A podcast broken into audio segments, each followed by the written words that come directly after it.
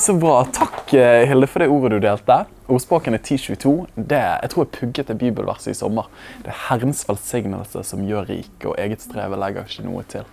Har ikke vi erfart det i livene våre ofte? Jeg vet i hvert fall for, mitt, eh, for min del at, at noen av de tingene man, man, strever med og investerer i og jobber hardt i over flere år, så er det akkurat som det ikke bærer frukt av og til. Men så er det de tingene man bare opplever en innskytelse på, at Den hellige ånd taler, eller at du blir ledet til noe, og så bare boom, så er det frukt på det området. Eh, og det gjør jo meg litt grann ydmyk. At det er ikke alltid, Selv om jeg tror jeg er smart, så er det en som er smartere. da. Eh, jeg eh, fascineres over det som står om Jesus det ved Johannes evangelium, det 5. kapittel og 14. verset, hvis jeg ikke feil. Så står det at jeg, jeg gjør bare det jeg ser Faderen gjøre. At han så far, hva er det du holder på med? Og så prøvde han å følge etter. da. Og når han gjorde det, så bar det frukter. Eh, og så er Feserne 2.10 at det er ferdiglagte gjerninger som Gud har gjort ferdig for oss på forhånd. At så ofte så har vi lyst til å få Gud til å gjøre noen greier, eh, men så har han det som er ferdiglagte. Og min erfaring er at når jeg tar, tar med tiden til å vente, sånn som Hilde sier, på at han taler, på at han leder, da kommer man inn i det som er ferdiglagt, og da bærer det frukt. Eh, mens av og til når man ikke tar seg tiden, så er det en annen fortelling. Det er en fyr som heter Ulf Ekman, som sikkert noen av dere har hørt om. Nå blir, eh, nå blir Ingvild veldig glad. Siterer en trosforkynner. Um, men han sa, han sa en gang at, uh, at han har opplevd Gud har sagt til ham du er flink til å, å, begynne å løpe når jeg sier løp, men du er dårlig på å stoppe når jeg sier stopp. Uh, og er ikke det litt sånn livene våre av og til? Når Gud sier start, yes, jeg er klar. Og når han sier stopp, her sa noe. Uh, sånn er livene våre ofte. Men det er utrolig gøy å få lov til å være sammen med dere. Og nå er ikke vi eh, Vi er ikke liksom en megachurch her akkurat nå, eh, men vi er de som skal være her nå. Men jeg har lyst til at eh, la det være litt interaktivt. Hvis du har spørsmål, hvis du har tanker, hvis du har refleksjoner, hvis du tenker at det der er vranglære, altså si det ut med en gang. Ikke skriv stygge blogginnlegg. Ja, eh, men la oss, eh, la oss, heller snakke sammen. Og eh, jeg er her for at du skal vinne i ditt liv og i ditt lederskap. så hvis jeg kan få lov til å gi videre noe til dere, så er min bønn besvart. Eh, og jeg har lyst til å tjene dere i det dere står i. Eh, så det er en glede å kunne få lov til å være her sammen med dere. Eh, og vær så snill, vær frimodig. Jeg er jo en bergenser, så vi er jo høylytt. Eh, så jeg tåler at folk eh, har innvendinger, spørsmål osv. Høres det greit ut? Ja. Dere sover ganske greit? Ja. Jeg er så midt på. Sindre? Ja, så midt på. Sånn er det. Spørsmålet er så du på Netflix eller fikk du ikke sove. Men det trenger du ikke å svare på. Ikke. Jeg, jeg kan si at jeg var på ungdomsarbeid på Husnes. På Husnes, ja. Så se, se det ferdig på Ja da, det Amen, altså. Ofre alt for Kristus. Come on. Du, eh, for å gi en liten feeling Jeg gjorde det i går. Um, men jeg er, når jeg reiser rundt, jeg pleier alltid å glemme hvem jeg er. Du har jo alltid den introduksjonen. Og så glemmer jeg ofte å si at jeg er gift. Og det er dårlig, det er dårlig news for kodemor. Så det, det, kan ikke vi ha noe av. Så dette, jeg eh, satte meg ned og tegnet en dag. Veldig flott. Eh, jeg heter Daniel, 27 år. Jeg er gift med, med Helene. Hun er 27 år, hun òg. Vi vokste opp i samme menighet. Eh, og jeg spurte henne i 7. klasse om vi skulle bli sammen første gang. Dette, her er det mye lederskapsundervisning med en gang. Hun sa nei, eh, sa at vi kunne være venner. Det var jo et eh, hardt eh, skudd for baugen. Vi begynte på samme ungdomsskole på Danielsen i 8. klasse sammen. Eh, hun ville ikke snakke med meg. Det var helt krise. Eh, Komfet sammen, gikk i samme ungdomsarbeid i Kristkirken i Bergen. Eh, men så dro hun til Nord-Trøndelag på videregående.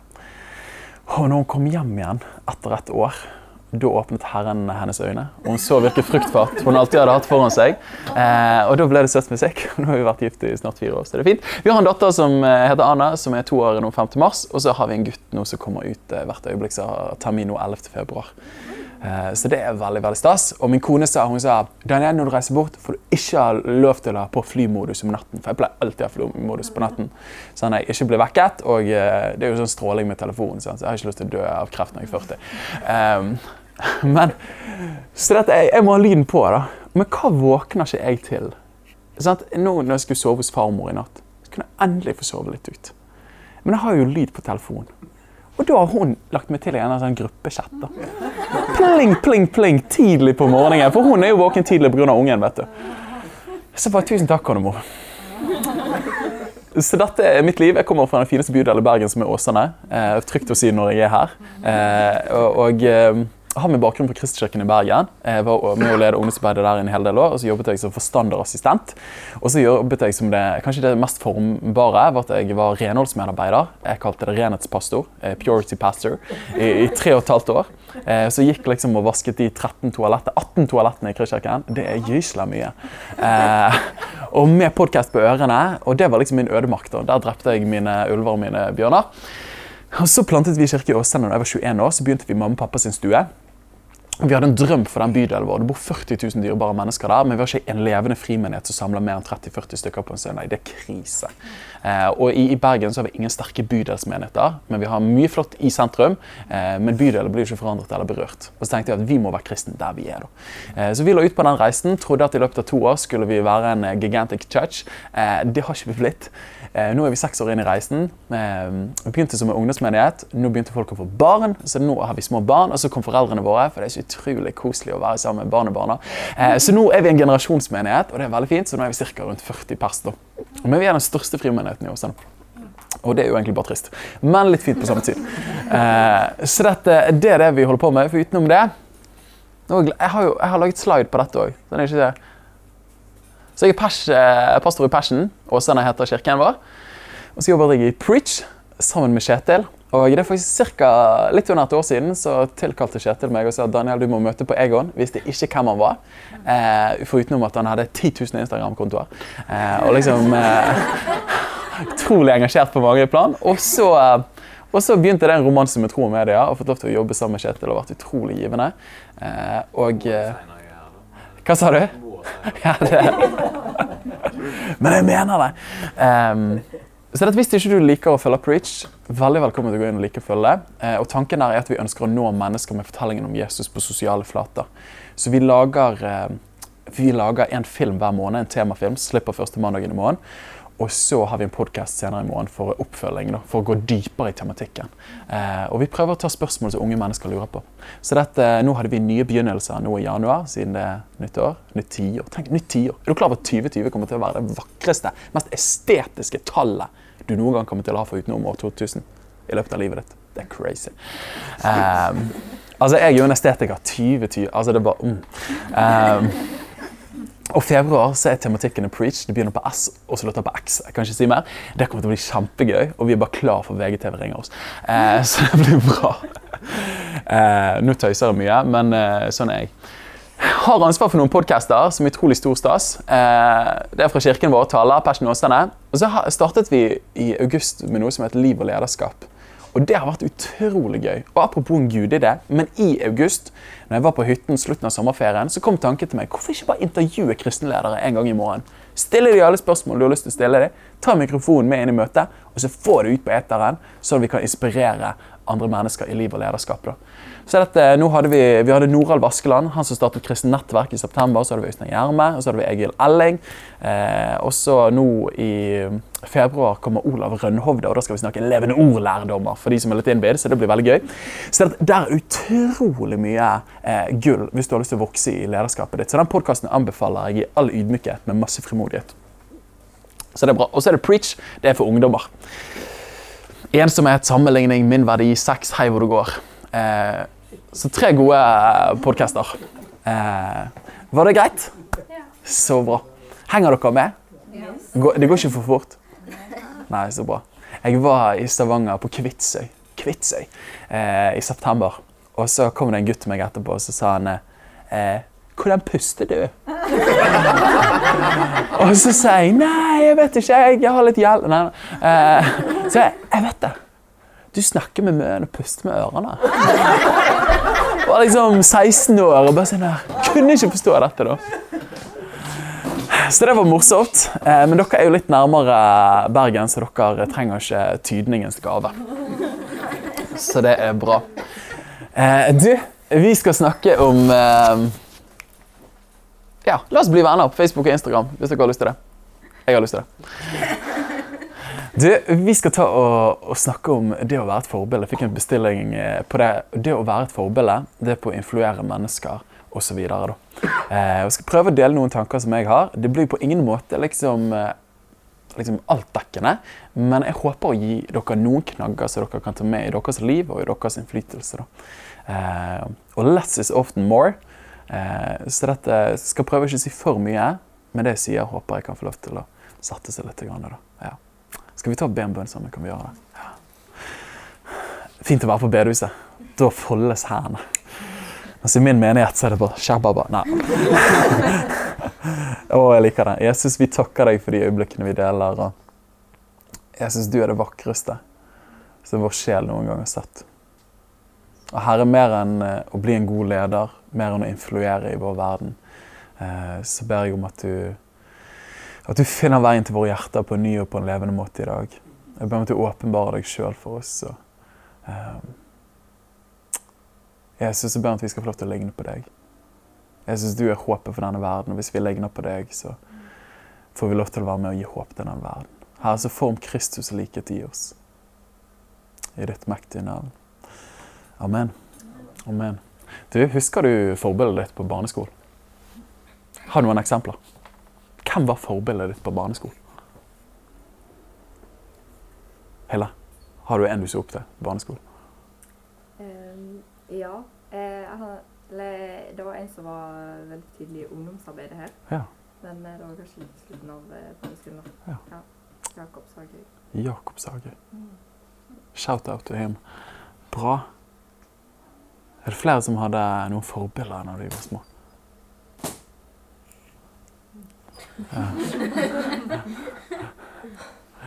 Du, jeg husker når jeg var helt liten, så um, Altså, jeg har hatt masse forbilder.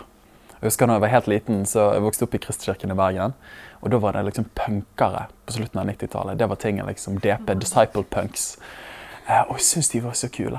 De hadde hull i buksene og kjettinger, og det var så tøft.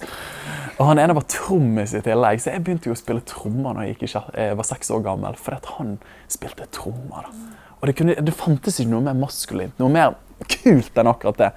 Ble litt eldre, så var det sykling som var tingen min. Dirtbike, hvis dere vet hva det er. Eh, og da var det en kompis som het Øystein, og han var utrolig flink til å sykle. Så han var forbildet mitt i den tiden der. Og så da jeg var I slutten av 8. klasse så møtte jeg Jesus veldig sterkt. Eh, og Da var det en som ledet meg til Jesus, som het Steinar Lofnes. da. Og Han ble forbildet mitt, for han var så utrolig lidenskapelig for Gud. Og når det var bønnemøter, han ropte til Ja, hei, henne. Hva var det for noe? Men han ropte.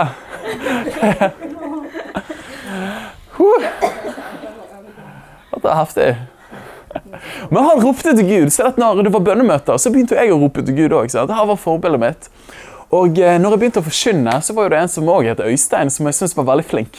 Eh, så tenkte jeg, begynte å ligne litt på han òg. Liksom. Hørte tale han. Jeg synes han var en flink type. han. Snakket bergensk. Jeg kommer å snakke bergensk. Det var ikke noe problem. Um, så dette, Han var forbildet mitt. Og så gjennom alle faser av livet mitt så har jeg alltid hatt noen forbilder. Nå som ektemann i dag så har jeg noen å tenke på som forbilder på hvordan det er å være ektemann. Min onkel, hvordan det er å være far. Altså Vi alle har forbilder, vi alle har idealer vi prøver å strekke oss etter. ikke sant? Og så tror jeg vi alle ønsker å være forbilder for folk. Til en viss grad. Vi ønsker, òg Hva er et forbilde? Jo, det er at man får bildet det er jo eh, rent sånn eh, etymologisk så er det et bilde som står foran. Så det, det, er noe vi strekker oss etter. Det er noe som vi tenker det der så bra ut. Jeg har lyst til å strekke meg etter det. da.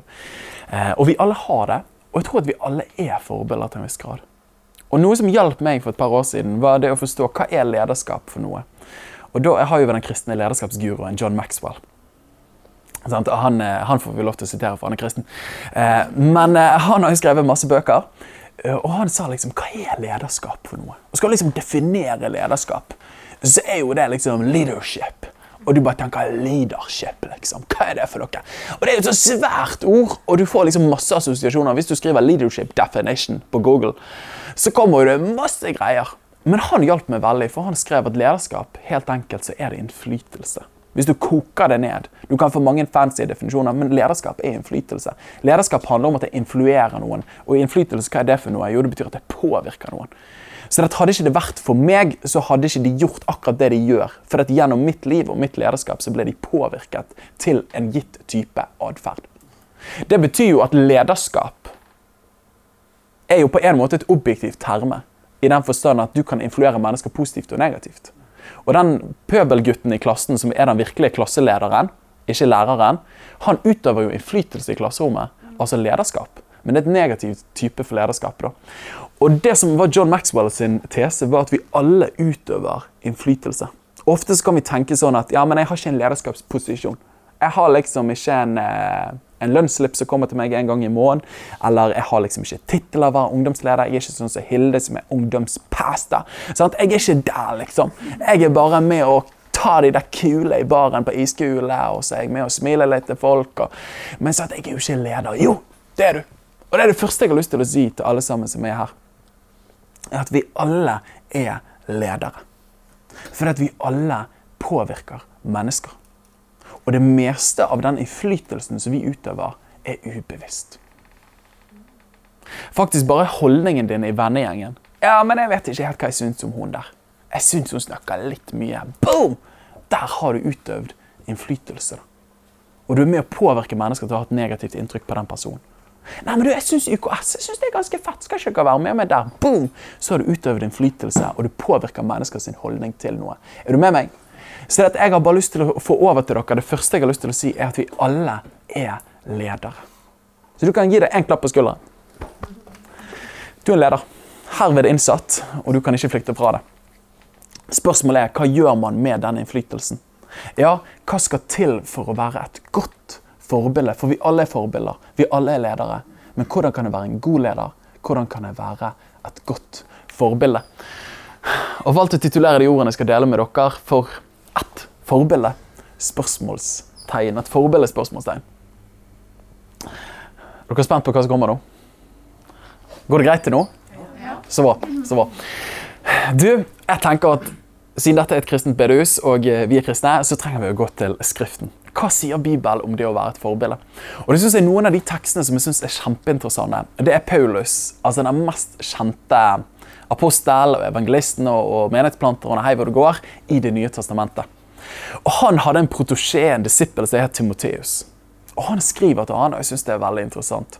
Eh, for han hadde plantet en menighet i Efesos, Paulus. Og eh, sånn som det er med menighetslivet i dag, sånn var det på den tiden. Kaos.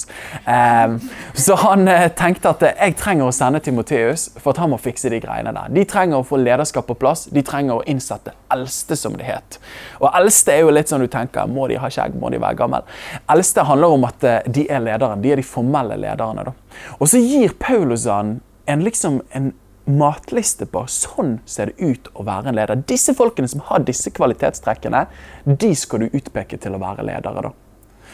Og så kan Av og til så kan vi I dag bare snakker jeg, men dere må bare avbryte meg. ikke sant? Eh, men ofte i moderne menighetsliv så er det akkurat som vi tar bort Bibelen litt av og til. Og så tenker vi at den har noe å melde til oss når det kommer til eh, frelse og de evige tingene.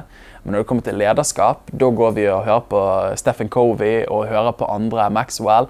Og så er det akkurat som Bibelen blir litt sånn supplementerende, som kan bekrefte det vi allerede har funnet andre steder. Eh, men jeg har lyst til å påstå at, at Skriften er tidløs visdom både til liv og til lederskap og til frelse. Eh, og Paulus sier det i 2. Timoteus 3,16 sier han at, at, han er innåndet av Gud. Sant? Og han er nyttig til all opplæring. At Skriften er visdom. da. Så vi må gå der. Og her skriver Paulus til disippelen sin. Og så må du ha med deg i tanken at han skulle innsette ledere i menigheten. Så skriver han dette er troverdig ord.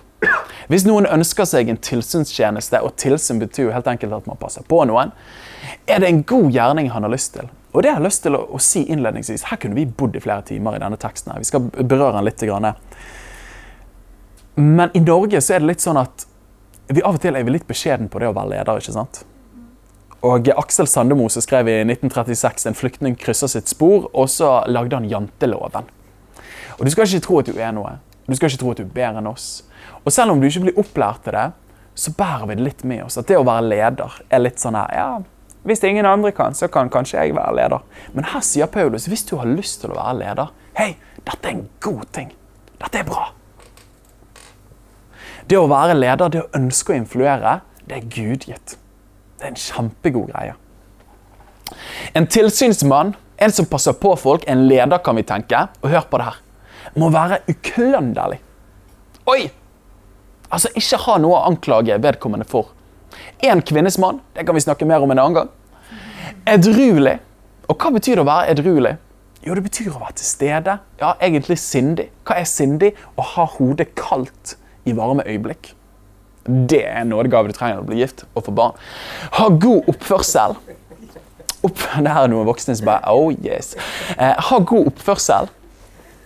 Oppføre seg fint. Være gjestfri. Være i stand til å undervise.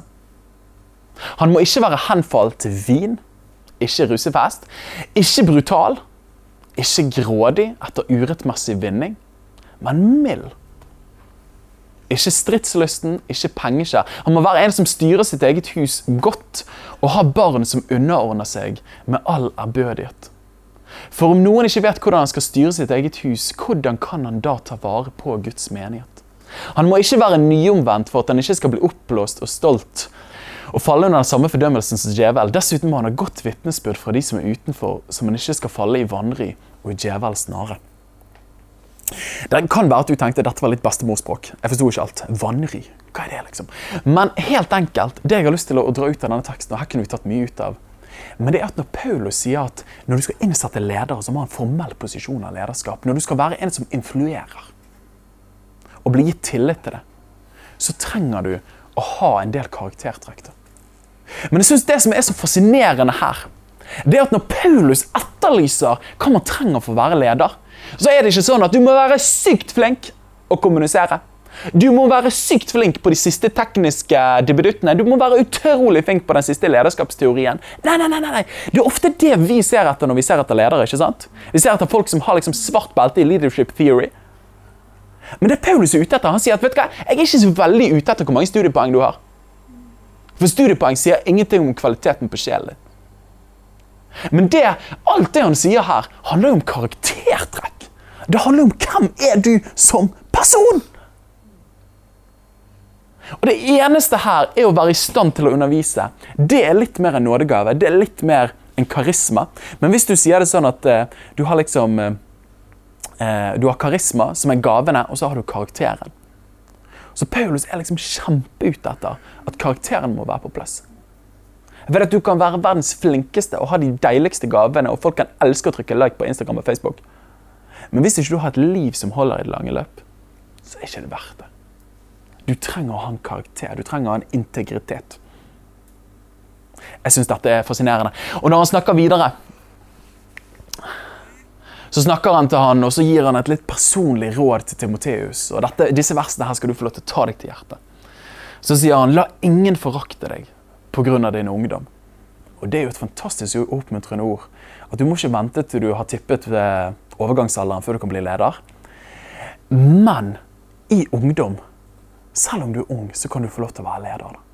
La ingen forakte deg for din ungdom, men vær et forbilde for de troende. Vær et forbilde. Vær eksempel. I ord, i ferd, i kjærlighet, i ånd, i tro, i renhet. Ta vare på opplesningen av Skriften, formaningen og læren inntil jeg kommer. Og vanskjøt ikke. altså Ikke waste den nådegaven som er i deg, den som blir gitt deg ved profeti, med håndspåleggelse av de eldste. Du skal grunne på disse ting og leve helt i dem, så din framgang kan bli åpenbar for alle. Og hør på det her, venner. Gi nøye akt på deg selv og på læren. Gi nøye akt på deg sjøl og på læreren. For når du fortsetter med det, så skal du frelse både deg sjøl og de som hører deg. Og Det er et av de første poengene jeg har lyst til å løfte opp her. Gi nøye akt på deg sjøl og på læreren. Og dette er tilbake igjen til det poenget som vi gjorde innledningsvis her. At Paulus, når han sier at disse folkene skal være ledere, når du og meg skal være ledere, så spør ikke Gud først og fremst etter hvor flink er du på Excel-ark, eller hvor dyktig er du på det området. Men han spør etter hvordan er kvaliteten på livet ditt sånn egentlig. da. Og så sier Paulus til han, sier du, pass nøye på kvaliteten på ditt eget liv Og gi nøye akt på læren. Og læren handler jo om åpenbaringen av Gud. Egentlig, pass på Guds relasjon. Pass på at den er sunn, pass på at den er sterk, pass på at den er sann. Og så kommer løftet knyttet på det. For når du gjør det, så skal du frelse. folkene som er rundt deg. Hey, altså, dette er jo kjemperått, det som står der. Og, synes, og Dette er mitt første poeng, så du skal få lov til å notere ned. Nå har jeg sagt mye allerede, håper du har notert noe før dette, men sånn er det å være karismatiker. vet Du Du bare snakker, og så kommer det ting. Nei da, jeg har forberedt meg. Eh, men det første jeg har lyst til å si til dere, er at lederskap flyter fra livet. Lederskap flyter fra livet. Og husker Den dagen jeg forsto det, så var det utrolig frigjørende for meg. For at vi lever i et liv der vi er flinke på å inndele livene våre i ulike rom. At liksom OK, nå er jeg elev, så da er jeg litt slask. Da gjør jeg leksene av og til. Leser til prøvene. Liksom livet på videregående. Sant? OK, men nå er jeg hjemme hos mor og far, så da er jeg litt grann sånn obstanasi. Litt sur, slenger litt med dørene, smiler på lørdagskvelden når det er taco. Og så ellers er jeg litt sur.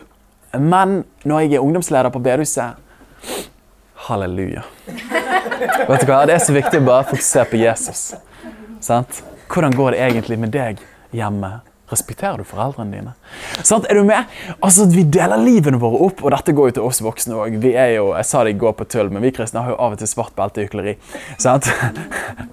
Da er det bedre å være hedning og ikke si at du er bedre enn det du er. Men, men hva er greien her? Jo, at vi deler livene våre inn i ulike greier. da. Men det er så utrolig frigjørende den dagen du forstår at kristent lederskap det handler ikke om at du skal være god akkurat på denne arenaen. Det handler ikke om at Hilde skal være sykt god som kristen leder fredagskveld og lørdagskveld og litt på annenhver søndagsmorgen. Halleluja. Så at, altså, det er ikke der hun skal lykkes. Det er ikke der hennes lederskap først og fremst skapes. Skapes. Unnskyld. Se her, vet du. Farmor mater meg med eplebiter. Men hva er greia? Jo, at lederskap er noe som flyter for livene våre. At når jeg er pastor, det slo meg at jeg, jeg er ikke bare pastor når vi har gudstjenester. Jeg tenker på meg sjøl. Jeg er pastor for Åsane. Når jeg drar på Kiwi og handler, når jeg drar på Rema, jeg er pastor for disse menneskene her. Altså, det er den jeg er. Og det er et lederskap som flyter ut av livet mitt. Så min innflytelse henger uløselig sammen med min identitet og min integritet. Tok du den?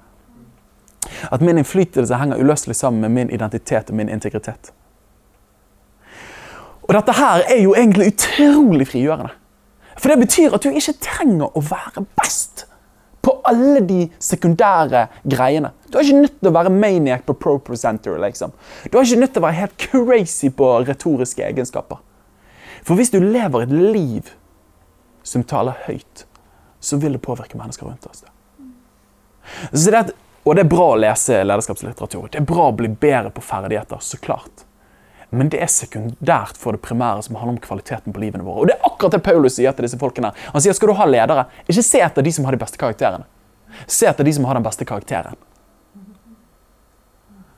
Utrolig frigjørende, samtidig utrolig utfordrende. For da kan ikke vi bare være kjempegode på noen greier, men da trenger vi å si 'Herre, kom og ha din vei med hele livet mitt'. Er dere med meg? Så dette skal du være ungdomsleder. Så er ikke det liksom bare det som skjer der, men da handler det faktisk om hvordan behandler jeg mamma og pappa når jeg er hjemme. Hvordan er livet mitt med Gud i Guds ord når ingen ser meg? Ja, Hva ser jeg på datamaskinen når ingen ligger på sengekanten sammen med meg? Ser jeg på sånne skumle Netflix-serier?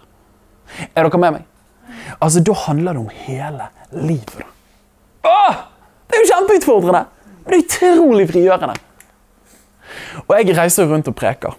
Og en av de tingene som er deiligst, er at ja, jeg forbereder prekener. Men mer enn det, jeg søker å leve et forberedt liv. Da. For hvis du lever et liv som er verdt å følge etter, så er du klar for lederskap. Åh, halleluja. Ok. Jeg snakker meg bort der. Vi må ikke bruke opp tiden. Du, OK. Hva er noen av kvalitetene ved en leder? Nå har jo Paulus satt opp på det, men jeg tenker jeg har lyst til å knekke de ned litt. Aristoteles, har du hørt om han? Han hadde noe som kalles for de retoriske eller argumentasjonskvalitetene. Eh, og de er så mye som oh. Eh, altså, Jeg lurer på om vi skal kjøpe sånne konferansedebutter. Sånne svær trykker. Kjetil, gir du meg et trykk? Gi meg to trykk. Oi, se der. Takk, Kjetil. Hva er tingen her? Jo, jeg tror jo at uh, Du, det går veldig bra. Du får ta det opp igjen. Men eh, godeste Aristoteles Knuste han? Nei, han var knust. Ja, han var knust. Så bra. Han knuste veldig. Så bra. Ja. Heftig, altså. Men eh, godeste Aristoteles, han hadde han, hadde, han, han snakket om patos, etos og logos, eller logos og etos. Og han sa at dette er de tre kvalitetene man trenger eh, i en argumentasjon for å være troverdig, for å overtale noen. Og så kan det være at man tenker, Daniel, hvor tar du det der fra? Er det bibelsk? Ja, faktisk, når Jesus snakker om i Matteus i det 24. og 25. kapittelet, så forteller han ulike lignelser.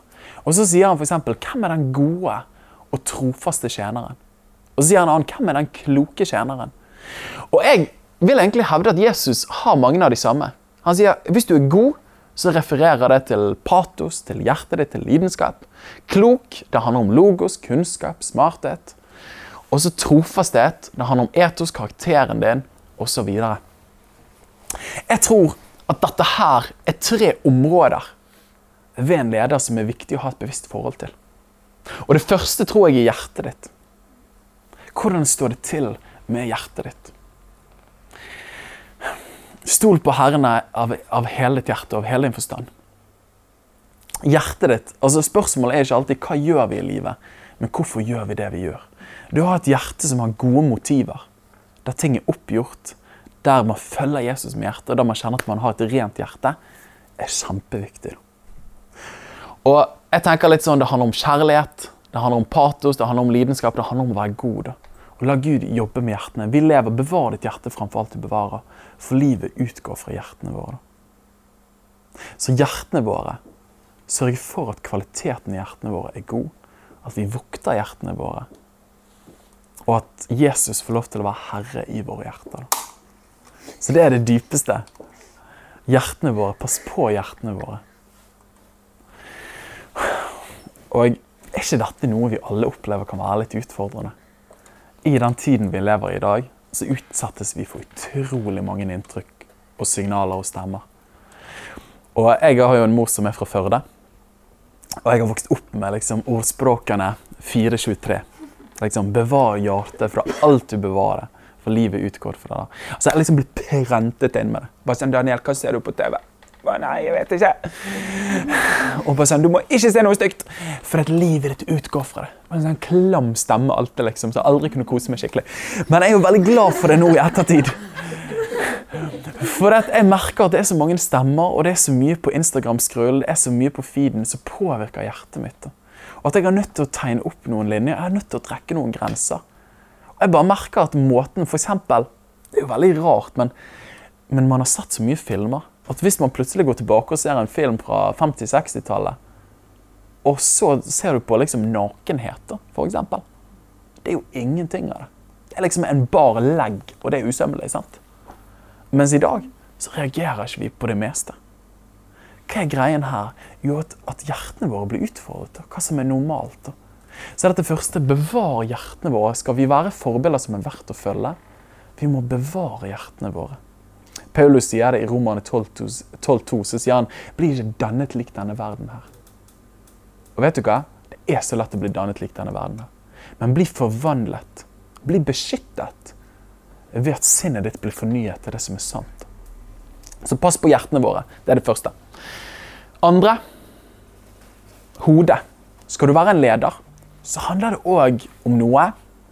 Ut, altså Et lederskap flyter fra livet, men det er viktig å sørge for at kvaliteten på livene våre er bra. da. Eksempel, skal du lede ungdommer og være et forbilde, så tror jeg det er viktig at man setter seg inn i det man holder på med òg. Eksempel når jeg er pastor, så bør jo jeg lese meg litt opp på ting som er relevant for de tingene jeg skal holde på med. Så jeg bør jo være litt god på mennesker. Jeg bør jo følge litt med på hva som skjer ute i samfunnet. Sånn at når jeg ikke kommer der, så kommer jeg ned fra fjellet der Moses var, og så er jeg bare ikke peiling på hvor folk er. Sant? Det blir dårlig menighetsdrift. For da føler ikke folk at jeg er i takt med de. Så jeg trenger å snakke et språk folk forstår. Jeg trenger å berike hodet mitt. Sekundært. Først hjertet, men så hodet mitt. Eh, tok dere den? At skal du influere, hjertet ditt først. Kvaliteten på ditt liv, karakteren som Paulus har snakket om. Men vi må òg søke å, at våre talenter blir bedre. da. Det står noe veldig fascinerende i Salme 78, vers 72. Så står det at David eh, voktet Israel etter sitt oppriktige hjerte. Ok, hjerte. Men så ledet han dem ved sine henders kyndighet. Veldig interessant. det. Først et godt hjerte, men så hadde han òg kyndige hender. Han hadde et smart hode. Han visste hva han gjorde. da. Så det er et søk å berike ditt hode med kunnskap på det området der du skal lede. Skal du være en lærer, så bør du studere pedagogikk. liksom. Det er ikke nok at du er glad i ungdommer. Men jeg er så glad i ungdommer. Ja, men du må vite litt mer. Sant? Og eh, skal du liksom jobbe som en eh, interiørdesigner eller en tekstilsyer, så bør du vite hvordan du sveiver denne symaskinen. sant? Ok, dere tar bilde. Og så er det tredje hender. Dette er jo litt karikert, men det handler om karakteren vår. At vi lever ut det som vi tror i vårt hjerte, og det vi har beriket vårt hode med. da. At vi har en konsis karakter i det vi gjør.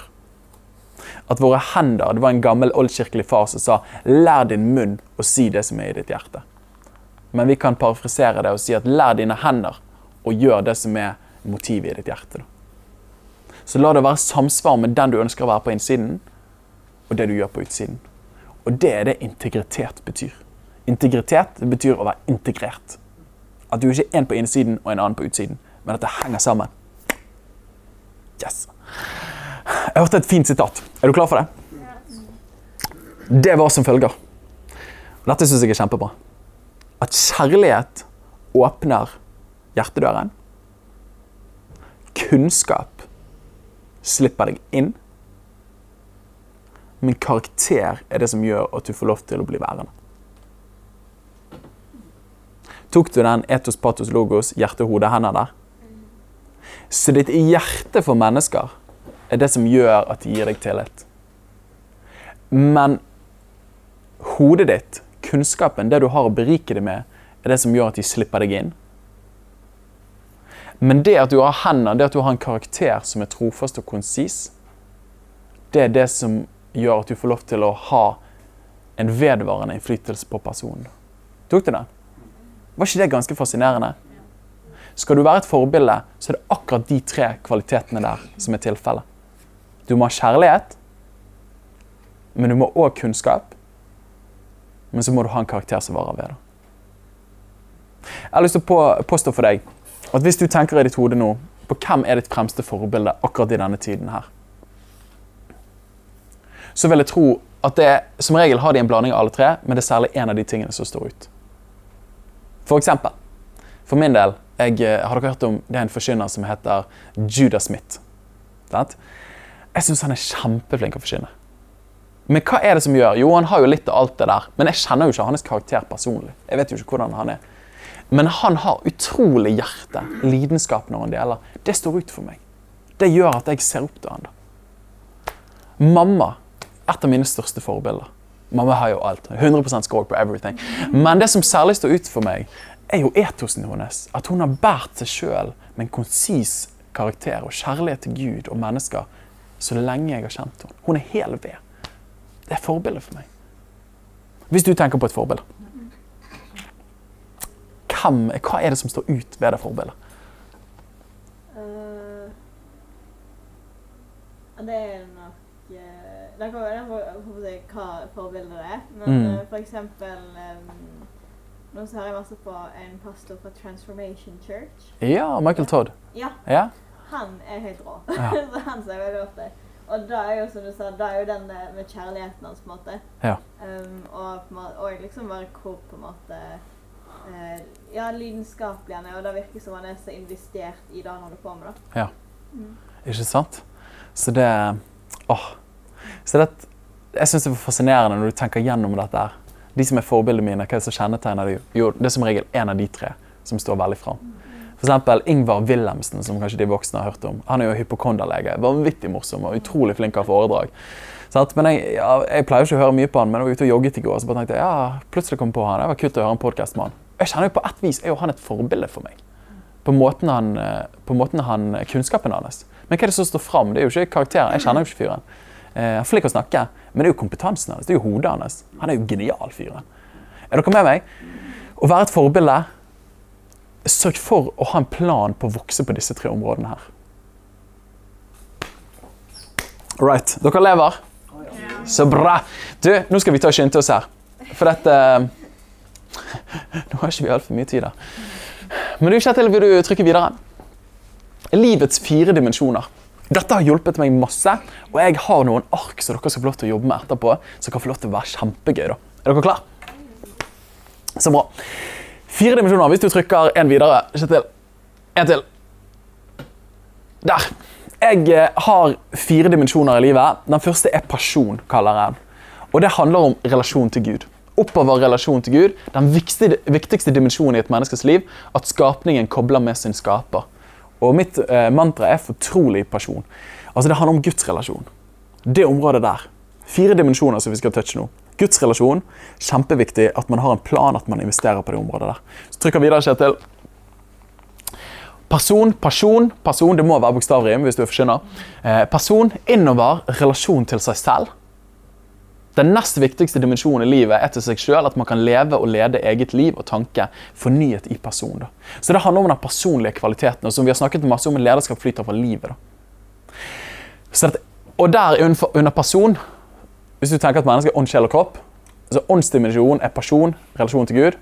Sjel og kroppen din det er den personlige dimensjonen. Hvordan har jeg det? Sover jeg nok? Trener jeg? Tar jeg vare på kroppen min? Spiser jeg sunt? Har jeg det godt? Slapper jeg nok av? Har jeg relasjoner som jeg bare kan slappe av med? Og så videre? Er med meg? Det handler om den personlige kvaliteten, helheten, holismen i det personlige livet. Nå var det mange fine fremmedord her, men det beriker hodet ditt, sånn at du kan lede enda mer. Og så hvis du trykker videre Kjetil. Tredje dimensjon, relasjon. Nå går det veldig fort her. Ned, nedover relasjon til mennesker i våre liv. Vi alle har blitt gitt noen relasjoner som er viktige for våre liv. Ektefelle, barn, storfamilie, nære venner, etterfølgere osv. Forpliktet i relasjon. At Gud har betrodd oss mennesker i livene våre. Og det er viktig som leder så det er viktig å vite hvilke mennesker er det Gud har betrodd meg.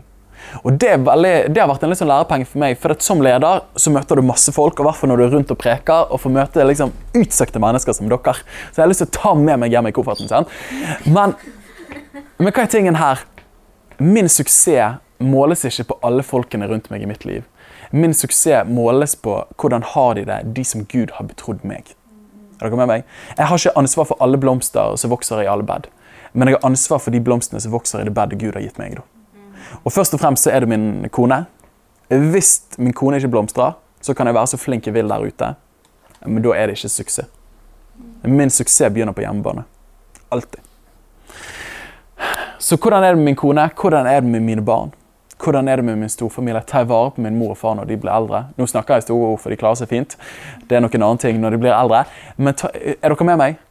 At kvaliteten på ditt liv måles på relasjoner. da. Så det din Guds relasjon. Person, din personlige kvalitet. Relasjoner. Tar du vare på relasjonene dine? Er du forpliktet der de Gud har betrodd deg? Og så misjon. Utover. At lever jeg, har jeg en klar forståelse av hva Gud har kallet meg til. En bevisst relasjon til det kallet som Gud har gitt meg. Veldig viktig. Og jeg må bare si i møte med relasjoner Nå skal jeg gi deg et, redskap som kommer til å hjelpe deg masse i livet ditt. Men jeg kaller det opp-bort-ned-relasjoner. da. At vi har tre ulike dimensjonstyper i livene våre. Vi har opp-relasjoner, som er relasjoner eh, vi lærer av. For eksempel eh, si, eh, si Øystein Hjerme. Liksom.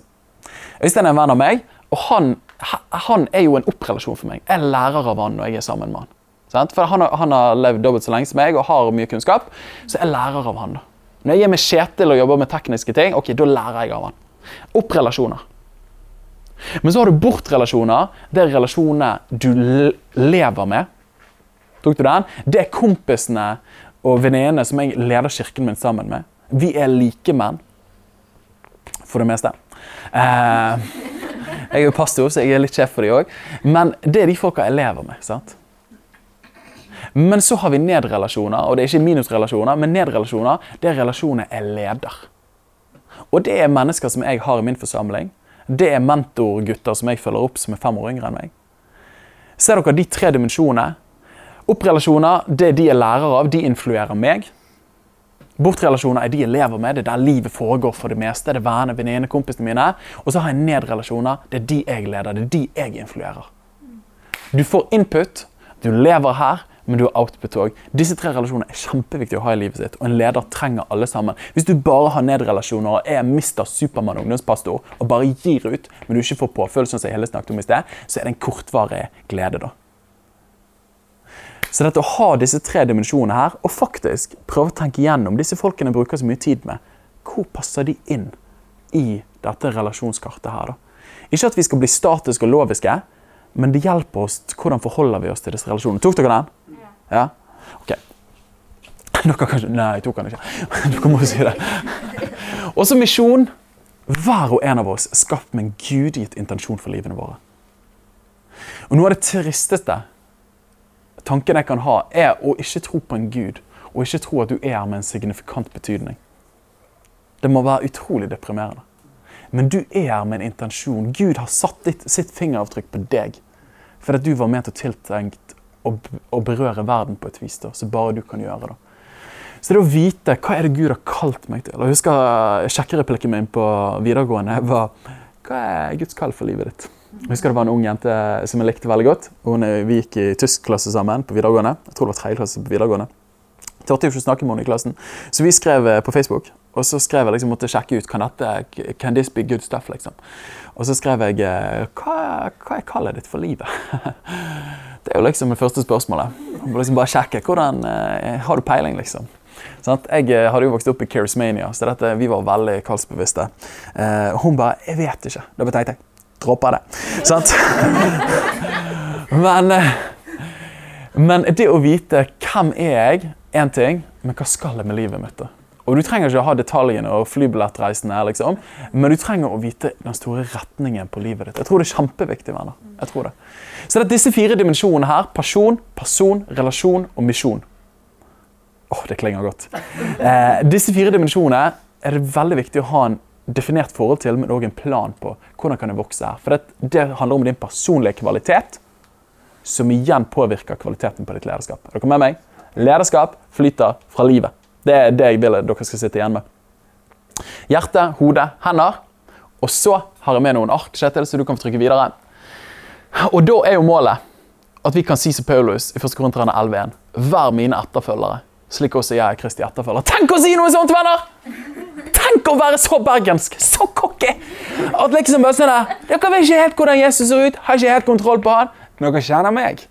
Eh, bare gjør det jeg gjør, så, så blir dette her bra, venner. Du, tenk, og, sant, og Vi er jo norske. så bare sånn, nei, Det handler ikke om meg, det handler om Jesus. liksom. Ikke se på meg, bare se på Jesus. Problemet er at folk ikke kan se Jesus, men de kan se deg.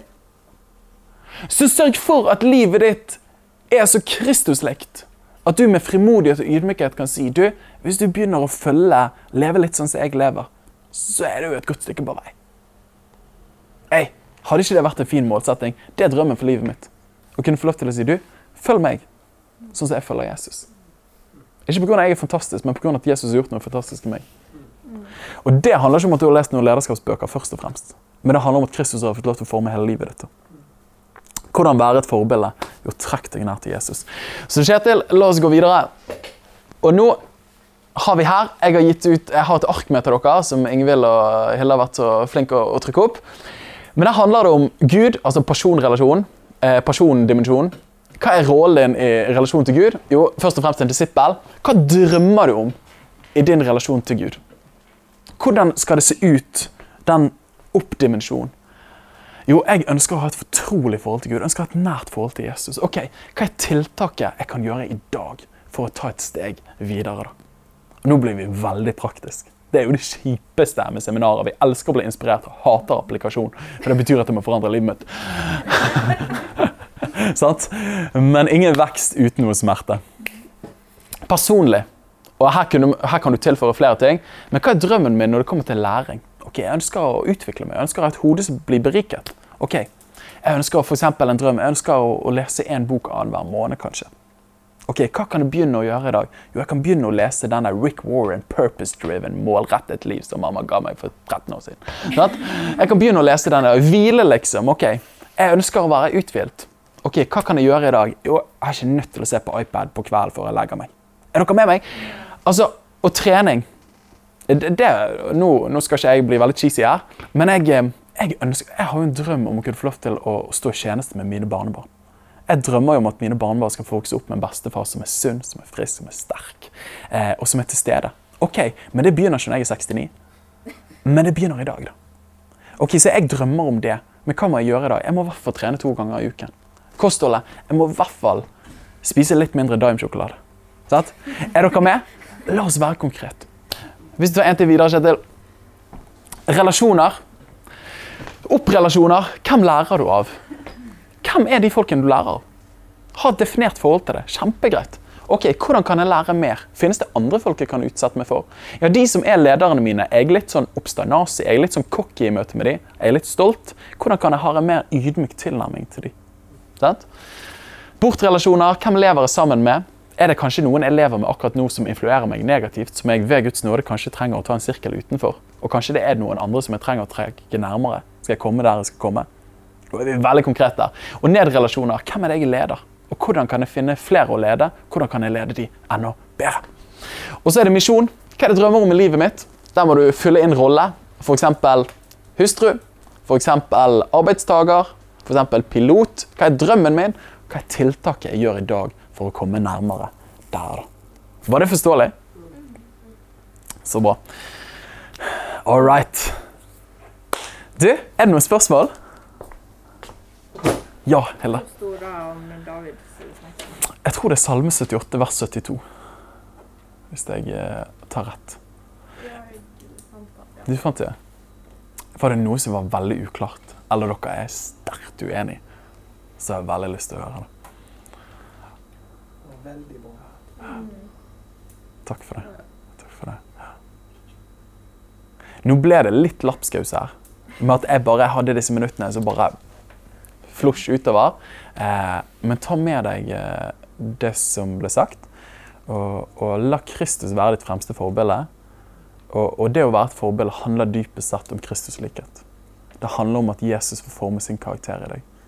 Og du vet, Jesus er uimotståelig. Så hvis vi begynner å ligne på han, så har folk lyst til å ligne på oss. Kan vi ta og be en bønn sammen? Så skal vi ta en pause etter det.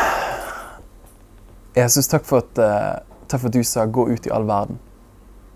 Uh, og takk for at når du egentlig sa det, så sa du 'gå ut og vær forbilder'. Gå ut og influere, gå ut og påvirke. Gå ut og trekk mennesker uh, i en positiv retning. Og jeg ber deg her for at vi som er i dette rommet her, at du ved din hellige ånd først og fremst former Kristus likhet i våre liv. Sånn at vi igjen kan lede mennesker til deg, Jesus. Sånn at mennesker kan se hvem du er gjennom oss. Herre. Vi ber om det, Herre. Og ber rent konkret her. Av og til er det vanskelig å renovere hele huset på samme tid, men jeg ber om at du gir hver og en av oss nåde til å jobbe på noen områder. Der du kaller oss til å ta et par steg mot deg, mot det å være et forbilde, og måtte jo vokse i hjerte, hode og hender. I Jesu Kristi navn. Alle sammen sa? Amen, amen. Tusen, tusen takk for tiden sammen med dere. Og så gleder jeg meg allerede til å komme tilbake til dere en dag. altså. Mm. Så bra.